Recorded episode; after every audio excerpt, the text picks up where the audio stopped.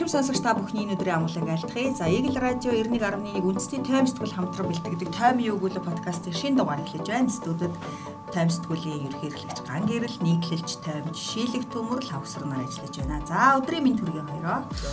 Өдрийн минь төргийн. За би 512 дахь дугаараа уншигч сонсогч та бүхнийхээ гар дээр өргөн барьж байна.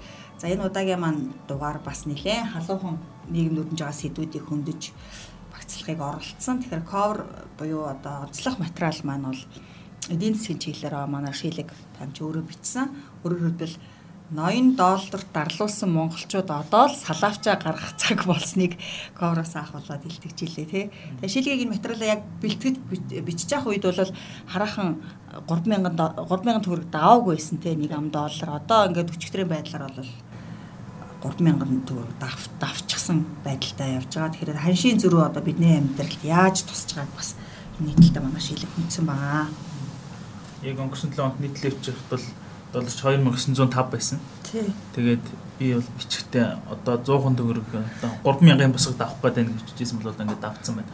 Тэгээ ингээд долларын ханш өсгөхөөр манай одоо эдийн засгт яаж нөлөөлөх үү гэдэг агуулгаа. За дээр нь манайх ч одоо бүхэл хэрэглээг импортоор авдаг учраас долларын ханш одоо долларын хомсдол гэдэг бол асар их нөлөөтэй. Дээр нь одоо манайх маш хэмжээний гадаад өртөө байна. Тийм тэгээд ханш өсөх болгонд одоо ханшийн зөрөгөөр манай өр нэмэгдэж идэг. За тэгээд мэдээж гадаадас доллар авсан зэ доллар төлнө гэд ярих юм бол ер нь азар энэ онд бол томох хэмжээний гадаад өр багхгүй. А эх онд бол одоо 2 бондын төлөлт байгаа төлөлт байгаа. Тэгэхээр хань шингээд энэ хэвээрээ өсөө доллар хомсдоод их юм бол эх онд бүрэл хэцүү байдалд орохоор 2017 онд олон улсын валютын санд орохын өмнө бол бас хүнд байдалд орж исэн. За тэр үед бол ханш бол амар одоогийнх шиг яг өнөөдрийнх шиг байгаагүй ч манайх нөгөө Депорт зарлах хэмжээнд зарлах хэмжээнд хүрсэн. Тэгээд бүр эцсийн арга нь одоо олон улсын валютын сан одоо хилцээр хийж иж өргөсөн санхүүжилтийн хөтөлбөр таврагдчихсэн. Тэгэхээр эх онд бол яг тэр шиг л ийм нөхцөл байдал руу орох гээд хэцүү байгаа. А хөгжлийн банкны асуудал бас байна тийм. Хөгжлийн банк бол одоо гаднаас орж исэн томоохон зээл хөтөлбөрүүдийг одоо эдийн засгийн үргөөчтэй төслүүд тойрлоод ингээд буцааж гадаад өрөө төлөх ёстой тийм инжмент хийх ёстой банк шүү дээ тийм. Гэтэл тэр нь одоо улс төрчдийн хамаарал бүхий чухал гэж үзээл болгоо. За тэр нь бүр ингээд чанаргүй зээл болоо ингээд. Тэр дээр хөгжлийн юу олон улсын валютын сангийн хөтөлбөрт орохын өмнө хөгжлийн банкны асуудлаар бас манай засгийн газар чи өөрсдөө олон улсын валютын санд худлаа мэдээлэл өгсөн болж таа явсан шүү зүйлд тийм. 2016 онд засгийн газар шалгалт хийгээд за 2017 оны ихээр олон улсын валютын сангийн хөтөлбөр тамрагдсан шүү дээ. Яг тэр хөгжлийн банкны засгийн газар хийсэн шалгалтын дүн тааруухан гараад тэрийг тухайн үед засгийн газар нууцын чагсаалт нууцд хамааруулсан юм бэл. Тэгээд сая нууцаас гаргасан хөгжлийн банкны асуудал ингээд ил болоод явна Тэг яагаад нууц тамруулсан бэ юм. Тухайн үед олон улсын валютын сантай нөгөө хилцээр хийжсэн учраас тэрийг хэрвээ ил гаргах юм бол энэ одоо хилцээр амжилтгүй болно. Олон улсын валютын сан туслахаа болоод одоо манайх бол деполт зарлах байсан биз дээ. Тийм учраас нууцлсан юм аа гэд тэгж байгаа. Тэгээд одоо тэрийг бол олон улсын валютын сан одоо сонссон л байгаа шүү дээ мэдэн шүү дээ. Одоо одоо гол донор юу ингээ хуурсан. Тэгэхээр эх онд олон улсын валютын сан тандлаач одоо итгэх үү яах вэ? За одоо яриад байгаа сая улсын хурлын дарга ч гэсэн чуулганы инженер ихтэй хэлсэн а дахиж одоо зээл аваад зээлээр ингээ санхүүжүүлнэ гэсэн. Тэгэхээр бол одоо зээлийн хүүн өндөр хүтэл зээл болдсон шүү дээ тий. За тэгээд дээр нь одоо зээл аваад зээлэр зээлээ санхүүжүүлнэ гэдэг бол тэгээ хэцүү шүү дээ. Бисний тал хүн одоо хүн хоорондоо ингэ мөнгө зээлээс яах би нэг зээл явцсан чинь их дээд байна гэхэд бол тэр хүн ингэж байгаа хүн надаас авчаад хүү гэдгэл бодол төрнө шүү дээ тий. Тэгтэл гадаад өрн бүр нэмэгдээд идэг 2021 онд 1 тэрбум доллараар нэмэгдсэн байгаа хөөхгүй тий. 33 тэрбумд хүрчихсэн. Тэгээ бас нэг аюултай юм дагаад байгаа нь нөгөө гадаад валютын нөөц цогцсон буурж байгаа нь бас тий. Монгол банкны мэдээгээр 2022 оныг 4.3 тэрбум долларын нөөцтэй өгсөн бол ерөөсөө одоо нэг бүтэн уйлралч өнгөрөөгүй бахад 1 тэрбумаар валютын нөөц багассан байна тий. 3.5 энэ бол 14 хоногийн өмнө одоо бол бүр л ингээд багассан байгаа байна Тэгээ нөгөө нөгөө 8 шарга зах дээр валют их хэмжээгээр солихгүй байгаа. Ялангуяа доллар нэлээд хүсэлттэй байгаа. Тэгээ бас нэг ам дамжсан чигэмэр яриануд явдаг байгаа шүү дээ. Асууд цугтаа орж ирээд аваад явлаач гэдэг юм уу. аль аль талдаа бас хардлага байгаа л да. 2013 онд шүү дээ. Долларын эш 1700 800 1700 хүрч байхад энэ валютын эш галзуурлаа гэдэг хэдэн хүн төрийн ордноор салаавч гаргаад явжсан. Одоо бол юун тэр салаавч гарах байтгал болчиход байгаа. 3000 хүрчлээ. Сая шийл хэлж байна. Ер нь тэгээд нөгөө нэг даалгууны схем гэдээ яриад идэв шүү дээ. Нэг нь нурглаа төк төк төк төк дагаад нурдаг. Босгож байгаа. Тий тэгээд ер нь бол хамгийн дээр нь доллар л байгаа байхгүй. Доллараа хөдөлгөчлөөр л бусдын бүгд дагаж хөдөлдөг. Тийм болохоор энэ зөв ханш барих гэдэг юм уу нэг талтай ханш валютын ханшийн савлгаа нөгөө талтай инфляцийн өсөлт гэдэг энэ эргэж халаасандаа ер нь өвтө үлдэх юм уу гэдэг агуулгыг л хүндсэн. Ер нь одоо зөвхөн хүнсээ дэлгүүр ойр зургийн хэрэгцээний зүйл авах гад л хүнсээ дэлгүүр ороход л бүр халаас ил тэмдэгдэх мэдэгдэх болсон мэлээс тэ. Юу ч аваагүй байхад л тэ. 2 3 дахиж хүнс мөсний үн чинь 30 40%-аар нэмэгдчихэд байгаа харахад л. Тийм ялангуяа одоо тэгээ түүхийд нь гаднаас ирдэг за гадаадас авдаг юуны барааны үн бол амар нэмэгдсэн. Аа харин дотооддоо үйлдвэрлэдэг ганц нэг үн харьцангуй уг гайгүй байна. Гэхдээ дотоод тэд нар сав баглаа бодлох юм сав баглаа бодлогоогоо бас тасарч. Тасарч. За энэтэй зэрцүүлээд бас эдийн засгийн сэдвээр үргэлжлүүлэхэд манай бацаахан бицээ хятад нүүрсийнхээ хэрэгцээгээ дотоодоос хангацчихыг чухалчилж байна. Энэ бол бидэнд маш том дарамт болно. Яг тэгэхээр энэ хятадын үндэсний шинтгэлийн хороо гэдэг байгууллагаас те өнгөрсөн 7 хоногт зарлсан байгаа өөртөө юу гэж зарлсан бэ гэхээр хятад улс ерөнхийдөө жилдээ 4.3 тэрбум тонн нүс хэрэлдгийнхээ 3.7 тэрбумыг дотоодоос хангаж үлдсэн 611 сая тонныг импортоор авдаг.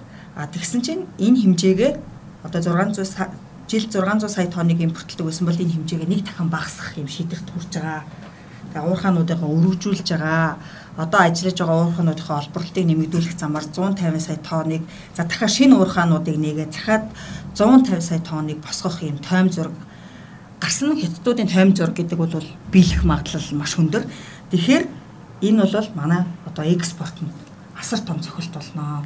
Би чи одоо гол улс орныхаа төсвийг бүрдүүлж байгаа гол тижээж байгаа зүйл маань нөгөө нүүрс маань л байна шүү дээ. Төсвийн ордгийн 3.1-ийн нүүрснээс үгүй уул урхаагаас Тэгээ уул урхаахаа ихнийх нь баг нүүрснээс л болчихсон шүү дээ. Ялангуяа одоо энэ онд ч нэг жинхэнэ олон жил хүлээс ярьсан төмөр зам ашиглалтанд оруулаад одоо өстой жинхэнэ зөө тий. Нүүрсээ хэмжээгээр гаргаа одоо доллар валют олыг гэтэл гол худалдаа хүчний юм шиг бодлого хэрэгжүүлж байгаа юм байна. Тэгэхээр нэг олборлолт дотоодын олборлолт гэхлээр нүүрсний нэг зах зээлт үнийг хятадын дотоодох үнэ өөрсдөө барих боломж нь улам ихсээд бид нар хичнээн гаргалаач бас хүссэн хэмжээний худалдаа өгч өөрөө энэ эрсдлийг одоо яаж даван даван тулах уу? Хятадын ерөнхийдөө нүүрсний бодлого аль чиглэлд явж байгаа вэ гэдэг талаар манай бацаахны бичсэн тайм нийтлээс уншаарай. За дараагийн сэдвийг манай дамжин хүнцэн авилгын үүлэн далд боловч дүрн ил гэдэг. Тэ? Энэ хөрөнгө орлогын мэдүүлгийг амигийн гол хүнцэн сэдв тэр байлаа л да. Хөрөнгө орлогын мэдүүлгийг аваад идэг албан тушаалтнуудын гэтэл авилгын хэмжээ буурдгуу, авилгын хэмтрэг улам л ихсээд байдаг. Тэгэхээр татврын дараах би тэгж ойлгосон те татврын дараах орлогыг хөрөнгө орлогын мэдүүлэгт авдаг болёо. Тэгжээж бид авилгын дүр зургийг илүү сайн хилчилж чадах юмаа гэсэн юм асуудыг бас хүндсэн л байлээ л дээ. Одоо яагаад гэдэг юм шүү. Зүр миний ойлгосноор бол авилгатай тэмцэх газарт одоо 40 гаруй мянган хүн жил болгон хөрөнгө орлогын мэдүүлэг гэж өгдөг. Жил жилийн өөрчлөлтөө. Тэгэн дээрэс нь онцгой анхаарал татсан өөрчлөлтөө ч гэдэг юм тэрийн зүгээр иргэдийн саналаар авилгатай тэмцэх газар шалгаад үндсэлтэй үндсэлгүйгээр нь тэгэл мөрдөн шалах ажиллагаа энэ төр явуулдаг. Тэрнээс ч одоо яг хүн хүчний хувьд ч үт юм уу цаг хугацааны хувьд ч үт юм уу бүх хөрөнгийн нарийн эхлэх боломж байдаггүй. Тийм болохоор зүгээр энэ дээр гол санаа болохоор тэр хүн болоод одоо шинэ өвлөгдөж ирсэн үнд баялагтай байсан гэдэг ч юм уу тэ нэг хөөрөгч байдаг юм уу. Тэгэл тэрийгэ зараад би мөнгөтэй болцсон гэдэг агуулга яриад байдаг. Гэтэл яг тэр хөөргөн тэр хүнд байсан уу байг байгаагүй тэр нь үнэхээр одоо тэрбум төгрөг хөрснө хүрээгүй гэдэг ч юм уу те нэг талаасаа нөгөө талаасаа хэрвээ тэрбум төгрөг хүрээд тэргээ зарсан болвол нөгөө орлогын албан дотор гэж төлөх ёстой өстэй. Тэрийгэ төлчөөд тэрний дараах мэдүүлэг өгдөг байдлаар ингэж өөрчлөе гэдэг санааг хүндсэн. Нөгөө талаас энэ дээр нь болохоор ерөнхий сайд оюун эрд нь бас шин сэргэлтийн бодлого намын их хурал дээр танилцуулахдаа бас энэ сэдвийг хүнсэн. Ингэжиж манай одоо нөгөө авилгын индекс арай жоохон ахнаа. Тий. Урагшлна. Урагшлна гэсэн үг тий.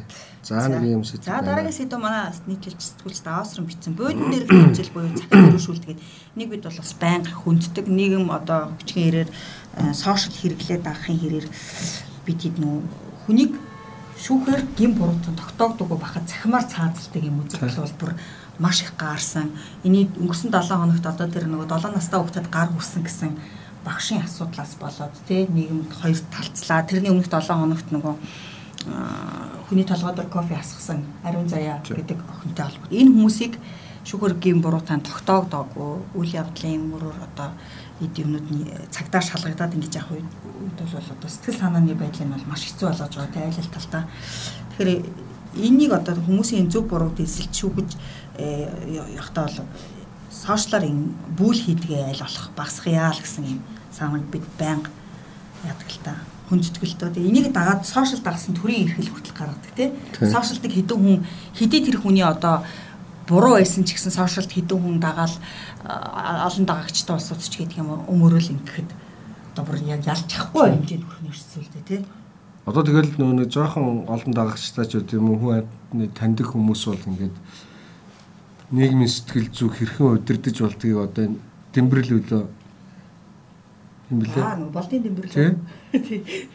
Гэхдээ тэр тэгээд яасан гэсэн зүгээр хэр хандлт авахыг харсан гэдэг байдлаар тавьсан. Судалгааны цодлогдохоо болцсон юм шиг. Хамгийн гол нь олон нийтийг ингээд олон нийтийн сэтгэл санаа бодлыг ингээд удирдах чинь гэсэн үг шүү дээ. Тэрийг дагаад одоо шийдвэр гаргах тусам бүр цаашлаа шүүх ч юм уу тий шийдвэр гаргахдаа тэрэнд нь автаад шийдвэр гаргах тохиолдол бас гардаг гэж үнслэр яриад байгаа шүү дээ. Тэр л хамгийн бүр хамгийн буруу тэр тий хин чанга хашгирсны үнэн байхгүй шүү дээ. Ер нь бол За сошиалын хэрэглээ дагсан бас их сэдвийг манай сэтгүүл сарангой хүндсэн. Тэгэхээр төрийн гурван өндөрлөг гэж хэлдэг бид манай улсын хувьд ерөнхийлөгч ерөнхий сайд улсын хурлын дарга гэсэн гурван хүмүүс бий. За энэ эдгээр хүмүүс бүгдээрээ өөрсдөө гэсэн сошиал хаягтай. Энэ удаад бид нар зөвхөн Facebook хэрэглээг тий харсан юм аа. Тэгээ албан ёсны хаяг гэдэг ардталтаа нөгөө юм зөө төвөмдөгтэй хаягийг дагж эдгээр улсууд хэнийг дагдгийг юу сонирхдгийг гэдгийг таньсан юм аа. Тэгэхээр манай ерөнхийлөгч хөрөлсөх бол цуврал кино үздэг юм байна тий өгүүлэг сонсох дуртай юм байна гих мэтчлэн. За төрийн тэргүүнийг 237 мянган хүн дагдаг юм байна. За өөрөө болохоор 594 хуудсанд лайк даржээ. За түүний дагдаг хуудснуудаас хамгийн сонирхолтой нь хурандаа хөрөлсөхийг дэмжигчд гэдэг хуудас. Өөрөөр хэлбэл өөрийнх нь дэмжигчдийн хуудсыг өөрөө дагдаг юм байлээ. За гих мэтчлэн тэрээр түүнийг дагдаг, түүний өөрийнх нь дагдаг улсууд дотор гэхээр За жүжигчин алдармаа, жүжигчин цогт хоёр гэдэг чинь жижигэ цогт хоёрын цогт хоёр баг тий. За бүлтээх гэдгийн драма үздэг юм байна. Анимекс гэдгийн аниме үздэг юм байна. Сэтгэл төрсэн өгүүлбэрүүдээс өгүүлэг уншиж Candy Crush тоглоомыг хүртэл лайк дарсан байдаг юм байлээ.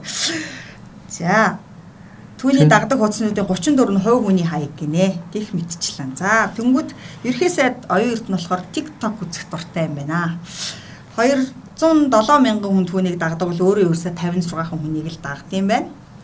Гэхдээ түүний дагагчид дотор өөрөө дагдаг хүн дотор нам эвслээс цөөнгөө хүнийг дагсан. За хөдөлмөрийн үндэсний намынхныг дагдаг юм байна. Арчилсан намынхныг дагдаг юм байна. Хотын дарга Сумья Азар боловсролын сайд инх амглан гих мэтчлэн хүмүүсийг дагдаг. TikTok үзэх дуртай. Энийг юу гэж үгсэхээр Монголын TikTok-чдын нэгдэл болох Бумеранг Монголиа хуудсыг дагдаг юм билээ. Манай ерөнхий сайд. За тэгэл гадаадын Bill Gates ч гэдэг юм уу, Melinda Gates, дуучин Shakira гэх мэт хуудсуудыг дагдаг юм байна. Аа, улсын хурлын дарга Зандар шатар блог үзэх дуртай гинэ.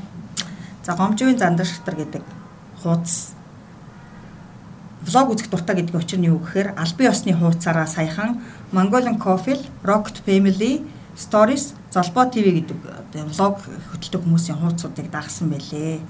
За өөрийнх нь хуудсыг 128 мянган хүн дагдаг бол өөрөө 1.2 мянган 1200 хүн дагдаг гэсэн үг тийм. За үүнээс 90 гаруй хуудас нь гадаадын албан ёсны их сурвалжууд болох BBC, CNN, Guardian гэх мэт мэд хэл мэдээллийн хэрэгслүүдийг дагдаг юм байна. За улсын хурлын дарга маань бас бүсгүйчүүдийг нэлээд дагдаг юм байна. Уран холбоо, наран туяа, дуучин чулуун чимэг, амина, зохиолч өдөр цэцэг, жүжигч мөнх соёл цэцэг, бизнесмен, майц цэцэг нарыг дагдаг гэжээ. За мэдээч хэрэг төрийнхээ албан ёсны хуудсуудыг тий төрийн цагдаагийн албач гэдэг юм уу сэтгүүлэн төрийн байгуулалтын байнгын ороо парламентын судалгааны хүрээлэн гих мэт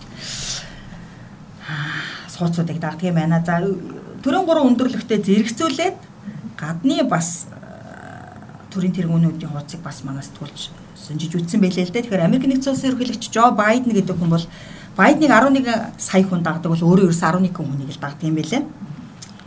Тэгээд гих мэдчлэн. За тэгэхээр энэ бол нөгөө нэг яагаад энэ зүйл болсон ба гэхээр өнгөрсөн 2 7 хоног өмнө шахав бидтэй манай нөгөө хууль зүйн сайд Нямбаатарын хаягнаас онлайн дэлгүүр үзэж байгаа үйлдэл халны нүднээс нүдчихнээс яагаагүй тэгээд Нямбатар сайд тайлбарлахдаа бол миний хууцыг хөтэлдэг залуучуудын нэг нь тий сонирхож үзэж байгаад ийм асуудал гарсан байна гэдгсэн. Тэгэхээр төрийн албан ёсны ялангуяа ийм тэмдэглэгээтэй хаяг бол бас албан ёсны л байх хэрэгтэй баг. Тэгэхээр өөрсдөө ч хөтөлтгөл бах л да тий.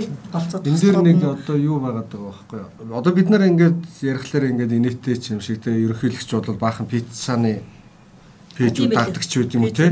тэр мөрийг харахаар ингээд зүгээр инээтэй юм шиг нэг хөдөлдөг залуу энэ тэнд очиод лайк дарцсан ч гэдэг юм уу тэгэж ойлгоод идэг гэтэл энэ цахим хуудас энэ албан ёсны хаяг гэдэг нь өөрөө дэлхийд дахинд бол ингээд улс төрийн байр суурь илэрхийлэх Тэр хүний үзэл бодлыг ингээд бүр танд айгүй том юу болцсон байгаа юм. Одоо ингээд Орос Украины асуудал тэгдэхийн өмнө ерөөсөө нэг сая өрөхгүй дагагчтай байсан Зеленский. Тий. Өнөөдөр одоо Твиттер дээрх чинь баг 6 сая өрчсөн хэд болцсон бэ? Тэгээ тэр хүн бол ямар ч хүн дагдгүй юм байлээ л те. Тэг хүн дагдаг. Өөрөө тэг нэг ч хүн дагддаг. Ардаа болохоор ингээд бодо 6 сая юу. Яагаад тэр 6 сая хүн Зеленскийг гараад байгаа юм? Ерөөсөө л байр суурийг мэдэх гээд байгаа юм Тэгэд э, одоо Америкийн ерөнхийлөгчийг сая ярьлаа. Twitter дээр тий Facebook дээр ч гэсэн дагж байгаа юунууд нь дандаа одоо цагаан ордоо. Цагаан ордны хэвлэлийн албач байдаг юм уу? Америк нэгдсэн улсын дэд ерөнхийлөгч байдаг юм уу те төрийн нарийн бичгийн дарга байдаг юм дандаа тийм хүмүүс дагдаг. Тэрнээс энэ дотор урлаг соёлын ч байдаг юм уу? Утга зохиолын бүр тэр пицца мицца хоол үргэлтийн төр бол ерөөс байхгүй шүү дээ. Ягаад гэвэл энэ хүний сонирхолч гэдэг юм уу байр суурь гэдэг юмыг энэ хаягнаас нь хүмүүсээс олж харж байгаа. Манайх дээр ингээ харахаар арай зэгцтэй ерөнхий сайдл баг шиг байна. Тийм билээ. Тийм. Манай их хурлын дарагч гэдэг юм ерөнхийлөгч бол өстой замраа байхгүй олон хүн дагдаг. Тэгээд тэр дагж байгаа хаягийн дотор нь бол яг шүүмжлэмэр хаяг бол октын шивнийч гэдэг юм уу тий. Тийм юм бас энийг зүгээр яг өөрөө ингээл өдөржингөө Facebook ухаал хөтлөөл юм дагаал яахгүй байгаа нь ойлгомжтой. Гэхдээ эндээс гарч байгаа мэдээ мэдээлэл нь энэ дээр дарж байгаа одоо нэг лайк нь ч байдаг юм уу те тэр зүйлүүд нь бүгдээрээ дэлхийн нийтэд харагдж байгаа юм чи Монголын өдөртөгч те нүүр царай өдөртөгч тэгэхээр энэ дээр жоохон тэр одоо Вово сайдын тэр юм юм хөтэлдэг хүмүүс одоо ингээд залуу хүн алдсан малцсан гэдэг юм бол байж болохгүй байхгүй. Аа. За дараагийн сэдвтээ анхааралтай аваасай. Анхааралтай аваарэ. За дараагийн сэдв болохоор энэ хонгор зул битсэн байсан энэ үр шахагдах үнд баялаг буюу ноолуурын сезон эхэллээ. Ямаас хамах цаг эхэлсэн. Өчигдөр өчигдрийн мэдээгээр 100 аймагудаас ерөнхийдөө ноолуурын гарц эхэлдэг те 100 аймагт 150 мянга 150 мянга эхэлж байгаа. Харьцангуй бас сүүлийн 2 3 жилиг бодвол харьцангуй өндөр эхэлж байгаа юм шиг байна шүү дээ. Тэгэхээр ноолуур бидэнд ямар ноолуурыгаа одоо экспорт нь гаргах цагаан алт руу ер нь валют олох валют олох ямар том салбар шүү дээ. Тэгээд бид нар нүүрсээ бодоод идэг гэтэл энэ яг нөгөө бат сайхны нийтлэлтэй уялдаад байгаа. Нүүрсэн дээр нь одоо ятууд авах болчвол алс дорндороо тойруулаад зархсаар адил Ноолор үйлдвэрлэлийг сэргийхийн тулд хамгийн түрүү импортын татвараас хөнгөлөх ёстой гэх мэтчлэн олон одоо ноолор сэдвтүүрсэн олон эдийн засгийн асуудлуудыг хүндсэн байгаа. За дараагийн сэдв хуулийн цорхоогоор цэцгэлсэн залилан гэд бид бас энийг цувралаар хүргэж ирсэн те. Одоо энэ сүүлийн 2 3 жилд чинь бол ерөнхийдөө нөх хөл хорой цар тахлын хөл хоройноос шалтгаалаад бас бас л нөгөө сошиал хэрэгслээ хит дамгааснаас шалтгаалаад төрөл бүрийн залилангийн эвд хэргийн маш их өсөж байгаа. За энэ удаад болохоор яг нэг манад чинь ерөөсөө ажил хийхгүйгээр залилан хийгээд амьдраад идэг бүхэл бүтнийг бүлэг үе үүсчээд байна. Энэ талаар л хүндхийг одоо Тэгээ хөвчлэн эмгтээчүүд эмгтээчүүд ер нь бол тэр эмгтээчүүдийн хорход би 10 жилийн өмнө эмгтээчүүдийн хорход юу сурчлагыг явж хахад залилангийн эмгтээчүүд байдаг голцоо. Тэгээ одоо бас манай хүүхнүүдийн донд манай хүүхнүүд ч бас нөгөө нэг уян хатан эмгтээ хүний нандин чанар бол бас хэцүү шттэ яадаг гэхээр жирэмсэлчдэг. одоо жирэмс жирэмслэлт буюу ялаас мултрах халтан байсаар гэдэг манай давка томьёосон байгаа юм л да. Нэг гимт хэрэг шалгагдаал, нэг залингийн гимт хэрэг шалгадаал ингээд гилс гялс жирэмсэн болчдөг. Тэгэл байцагдаж явж ядал төрнө. Дахиад дараагийнхаа хүүтэй гэдэг. Одоо бодит жишээнүүд олон байгаа л да тий. Тэр тэр заллин тэр одоо залуу хүүхнүүд ч баг дөрөөс тийш хүүхтэй гэдэг. Дөрөөс тийш хүүхтэй тэгэл заллал яваад байдаг. Тий. Тий заллин цагдаа шалгадлаа, жирэмслэлээ, жирэмсээ. Тэгэхээр тэгээд Тэгээ эрүүгийн байцаа шийдэх хуулийн 682 заасны дагуу жирэмсэн хүнд өвчтөй насанд хүрээгүй зэрэг этгээдэг цагдаа хорихгүй бах заалттай. Тэгэл энэ заалтан дээр тоглоол гэс гэс одоо нөхөн үрчийн асуудал амар хурдан шийдэгдэл. Тэгээ олон хөвгттэй элдэн голцоо заллингийнхан ийм жишээнүүд байгаамаа. За энийг бас сэтгүүлээсээ Тийм. Тэгээ энэ дөр бас ахаад нэг тоо хэлж өгөхөө. Заллах заллан мэхлэх гэмт хэргийн улмаас сүүлийн 10 жилд 536.5 тэрбум төгрөгийн охирол учирсан. Тэгэд шүүхэн шийдвэр гүйцэтгэлээр нөхөн төлөөс нь ерөөсө 129.3. 24% юм байна л да. Тэгэхээр цаана үлдчихэж байгаа одоо 76% нь бол ерөөс охирол дуусчих жоох. Тэгэхээр хувь хүний өөрсдийнх нь хүмүүсийн ч гэсэн эдийн засгийн мэдлэг, сошиал мэдлэг, ерөөхдөө ямар нэгэн мэдээлэлд үнэлт дүгнэлт хийх мэдлэг ч гэсэн бас энэ дэр чухал байгаа тий заллуулаад байх. Тэгээ заллж байгаа энэ сайн нөө жирэмслэл байгаа шүү дээ. Тэгэд жирэмслээд жирэмсэн байх хугацаанд ингээд заллангаа хийгээд дөрөнгүүтээ дахиж заллилын хийсэн тийм тохиолдол яг шалгаж байгаа та айгүй их байгаа юм байна. Сая нэг сүүлд нэг юу гараадсан юм шүү дээ ерөнхийлөгч нь хамгийн газар ажилтан байна хүмүүс шагнал өгнө гэж шагнал олж өгнө гэж 55 сая төгрөг зайлсан. Тиймэрхүү тохиолдол бол тэгээд чигрөөсөл бүр цагдаа дээр шалгаж явах хугацаанд жирэмсэн том гэжтэй тэгээд дахиад заллин явуулдаг тийм чөтгөрийн тойрогт орчдөг л ах л та. За дараагийн сэдвийг манай сэтгүүлч Лувсан ямдаг хүндсэн. Тэгэхээр энэ 5 дугаар сараас эцэстээ Монгол улс бүх иргэнээ эрүүл мэндийн үзлэгт хамруулна гэж зарлсан.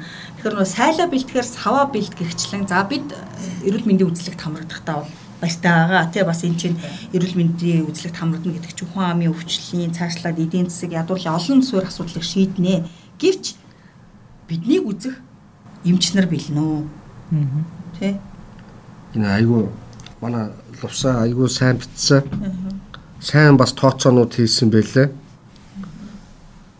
За тэгээд ингээд э, тэр нөө үзлэгч айгүй олон өвчнийг үзэх юм байлаа шүү дээ. Тэгээд одоо тэргүүлэх чиглэл зүрх судас юу гэдгийг одоо хавтарч юм уу. За тэгсэн чинь за хавдрыг одоо жишээ шүдний эмчтэр очиад хавдар байна уу байхгүй байна уу үзүүлж болохгүй зү. Тий. Тий. Гэтэл Монголд биш дээ хавдрын мэрэгсэн эмч дээ. Ердөө 83 байд. Яг хавдраар мэрэгсэн. Бүгдээрээ л хавдарт л ажиллаж байгаа шүү. Тий 83 байд. Тэгээд энэ тоог болохоор эрүүл мэндийн хүрээлэн билүү юу лээ? Эрүүл мэндийн хөгжлийн төв. Хөгжлийн төвийн бүр аль бие осны тийм тэндээс гаргасан тоо. За Монгол 3 сая 357 мянга 542 иргэнтэй. За энэ хүмүүсийг яг мэрэгчсэн тийм хавдрын эмчээр үзүүлэхлээр 83 эмчтэр үзүүлж байгаа байхгүй. Тэгэхэд ер нь яг бүгдээрээ нэг эмчтэр 30 минут үзүүлэхэд нөгөө эмч нь амрахгүй яахгүй бол 2528 өдөр хуваагаал үзгэлээ. Тэгэхээр хавдраа одоо бид нэр онцлуулахын тулд яг 7 жил очирлохоор л байгаа юм билээ. Тэгэхээр бид нэр ерөөсөө нөгөө нэг ингээд За бүр хавдраа байг гэхэд бас энэ лусаг тооцоон дээр тий дотрын дотрын өвчлөл бол бас хөлдөг шүү дээ тий дотрын өвч дотрын өвчнө эмчээр бол олон зүйлийн өвчин. Тэгэхээр мэрэгсэн дотрын эмч юусан 1200 байдаг юм шүү дээ Монголд. Тэгэхээр бас тэр хэмжээрээ таагаар тий 3 сая хүнийг 1200 200 эмчэд хуваахаар гих мэдчлэн Тэгэхээр манай эмчнэрээс ажлын 8 цагт хоол идэхгүй би эргэцээгүй гоцоос гадагшлуулахгүй үзэгдлэг онцлогоонд эргэдээ үзүүлэхэд л 134 өдрийн дараа ер нь өөдөргөөр бодоход тийм лээ. Тэр хүмүүс нь устгах ч уу яах ч үзэн шүү дээ. Тэгэхээр тооноос гадна одоо эрүүл мэндийн одоо энэ дэд бүтцсэн юм хангалтгүй те. Одоо хүмүүс бол тэгээ дээр нь манай монголчууд яхаа өөрсдөө хинэггүй. Тийм нэлээ юуны шатанд очисон ханаа. Одоо тэгээ гинт одоо 5 сарын 1-ээс гээд нийтийн гэхээр л нэг бөөнөр ингээл очир дараал үсгэл тийм их. Тэгжсэн наадмын наадмын олон амралтаар бүгдээр амраад эмч эмч өвчтөнгөө авраа явцгаач л та. За за за дараагийн сэдв манай урлагийн таймч Эрдэнэ чимэг бичсэн. Эвээ ирсэн Эрдэнэс буюу одоо уран зургийн галерейд хадгалагдаж байгаа бүтээлүүдийн зарим нь болохоор энд нэг сэдв хүнсэн манай уран зургийн галерейд чинь би 2009 оны 5 сар цахилгаан сүйдэлтэй гал гараад бас нэлээд олон уран зургийн галерейд байсан, саамрагт байсан олон суут бүтээлүүд бас галын гамшигт өртсөн юм байлээ. Шархацсан гэсэн үг те. Тэгээ энэ 600 их бага хэмжээний 600 орчим гэрэл зур юу уран зураг баримлууд бол гэмтсэн. За эднэрийг одоо сэргээн цоцорлох үйл ажлыг 2016 оноос хойш үе шаттай хийж байгаа. За эдгээрийн дотроос бол урлагийн бүтээл өрчлүүлнэ гэдэг тийм ажил байдаг юм байна. Энэ яадаг үг гэхээр а урлагийн урлагт хэлэгтэй байгууллага хүмүүсийн дэмжлэгтэйгээр одоо хандгаар гэсэн үг шүү дээ. Сэргийн засварладаг. Тэгэхээр ийм тэгээд одоо тэр сэргийн засварлсан байгууллага тэр зураг одоо маркетинг зуршлаа энтертэй ашиглаж болдог тий. авдаг юм байна лээ тий. Тий. Тэгээ энэ сэргийн засварлсан үрчлүүлж мэдлсэн зурагнууд Алтан уус гээд ардын зураач гаваагаа 58 оны бүтээлийг сайхан сэргээсэн байна. Эмнэг сургагч гээд ардын зураач Цэвэгжүүн 63 оны бүтээлийг За цэцэгтэй эмэгтэйгээд ардын зураач Чултамгаан 56 оны бүтээлүүдийг яг энэ байдлаар урлагт дэлгэхтэй байгууллагуудад өрчлүүлж шинээр бүтээсэн байна. За эдгээрээс гадна эзнээсээ дахин төрсэн бүтээл буюу тэр үед гимцсэн бүтээлүүдийг зураачаар нь дахиж сэргэн засуулсан. Тий. Дон бүрөөгөө жишээлбэл 30 наснда бүтээсэн Монгол таранс гэдэг зураг сая 80 наснда дахиж зурсан ч гэдэг. Тий. Иймэрхүү сонирхолтой урлагийн тайм багтсан байгаа. За ер нь уран зургийн галерей бол уран зургийн галерей юм. Уран зургаа сэргээх юм лабораторитой болох юм байлээ. За ингээд хүмүүс нөө 7 сарын 1-нд л гал гараад ирсэн. Тэрнээс хойно ингээд юм билээ шүү дээ. За ингээд үндсэн тайм сэтгүүлийн 512 дахь дугаарт багтсан онцлог нийтлэл материалуудаас танилцуулгад юм байна. За уламжлал хасаар 7 хоногийн онцлог ишлүүд, 7 хоногийн онцлог дэлхийн болон Монголын амьдралын гэрэл зургуудыг бид бас энэ дугаартаа багтаасан байгаа. Ингээд тайм сэтгүүлийн 513 дугаараар эх 7 хоногт уулзлаа. Түр баяртай. Баяртай. Баяртай.